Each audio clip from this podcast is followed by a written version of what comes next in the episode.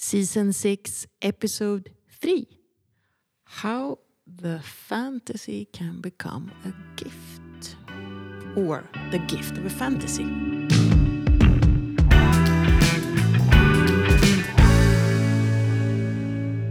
Let's, in this episode, tune into how we would like the receiver to act. So once the person who wants to share his or her fantasies has asked, Are you prepared? Do you want to hear my fantasies or can I share them with you? Or they might have been asked by the partner to share them. Once that is settled, and also perhaps when the partner who is receiving this, listening to it, is also probably in somewhat of an uh, aroused mode because then they are not so inhibited. Yeah, so uh, don't just uh, do this on the bus on the way home from work or something like that. Uh, set yourself up uh, for success in this and, and make sure that you both want to do it uh, and that you're both ready for it. And one little cheat is if you're actually a little bit excited as well, or maybe have done a, had a bit of foreplay or something. It uh, uh, it makes it easier for the receiver to not uh, react negatively. Yeah, because the disgust response is turned down low. So when you're aroused, so that is a good moment to share your fantasies. Yeah, and then you start spilling the beans. Mm-hmm. What is the first thing you need to do? For me, as a receiver, I cannot be judging you for whatever you're saying or doing. Yeah, and that means laughing, sneering, uh, blurting out some response.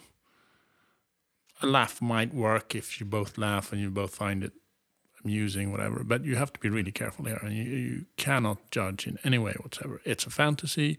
It has only to do with things in your mind. It has nothing to do with reality. It's nothing you wish to do. It is something that you have thought about, that has made you aroused, and that you wish to share with your partner. Yeah, we're stressing this again. A fantasy is something in your own mind, not something that you have to do. Yeah. So be very um cool and smart in your response. And then you follow up.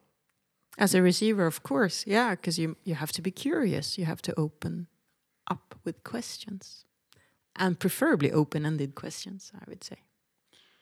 Yeah. I mean, it's not just the receiver that has to do the work, it's both of you are, are doing this together. But um, questions, answers, dig deeper. What do you mean by this, or how, or who, or where? Uh, be curious about. Exciting! Tell me more. Yeah.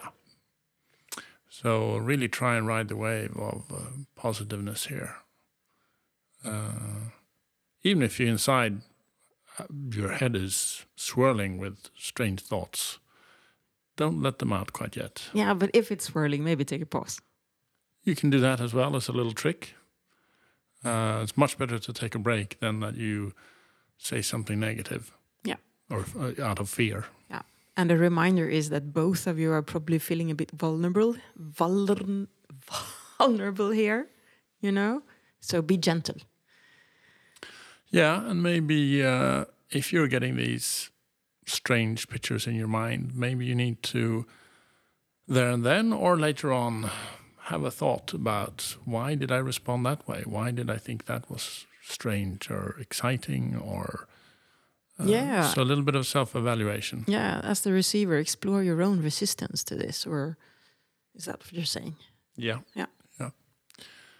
But what if, what if this person who is sharing the fantasy actually really would like to turn this fantasy into a desire?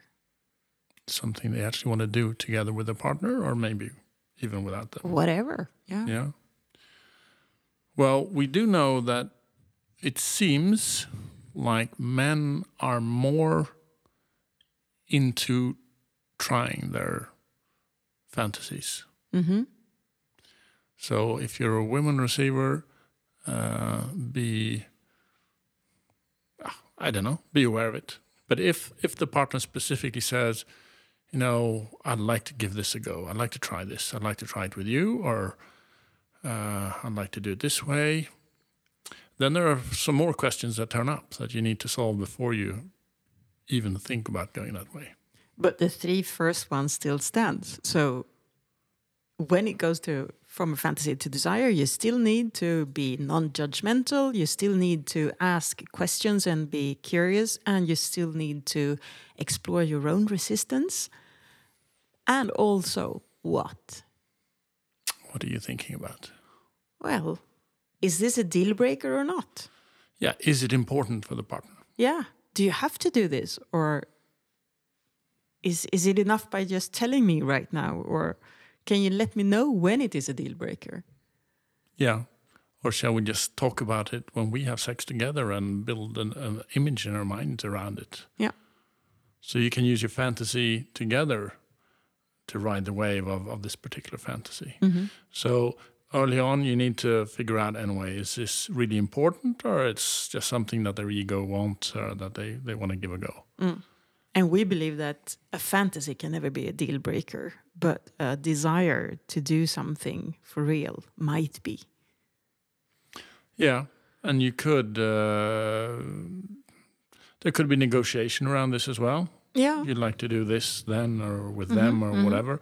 Yeah, okay. What if we do it this way instead? Mm. So you can you can be adults about it and and discuss, and that per se might be quite erotic and exciting. Mm, like this fantasy. Okay, you have a, a whole pass with one of your celebrities.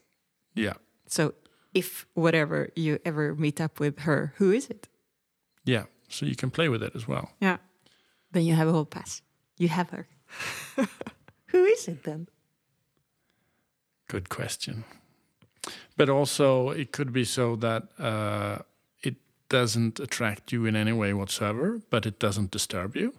So you might again negotiate and make a deal. Well, all right, you get your whole pass. Go and do this. Um, I don't want to know, and it's okay with me that you do it anyway. That could be the result of a negotiation. Or it could be, all right, go out and do it, but you better come home and tell me because I want to know all the details. And that could be a turn on. Yeah. But I mean, if if we don't go that far, we just stay with the fantasy for a moment. So you've shared your fantasy with me, and I have been a good listener. I have been a good receiver of this information. How can I make this a better gift? Well, I know what I do. Yeah. When you share your sex fantasies with me, I use them to get you aroused. Yeah, on another occasion. If Yeah. it if it isn't something that disturbs you or is a problem for you, uh, you can use it as fire to to get me aroused at another situation. Maybe dress up like the person I talked about, or pretend to be somewhere, or whatever it may be. I might sext you a little story containing this. Yeah, if we're apart, or during foreplay, I might whisper a scenario in your ear, which I know this is something that you fantasize about and which can arouse you. yeah. So that's a nice little return um, of your good listening. You can use it to fire up your partner's arousal and perhaps your own as well into a great uh, sex session at another time. There might also be some other gifts within it, within your sex fantasies, but uh, we'll keep exploring in the coming episodes. Yeah. Good luck with sharing and listen nicely. Don't judge.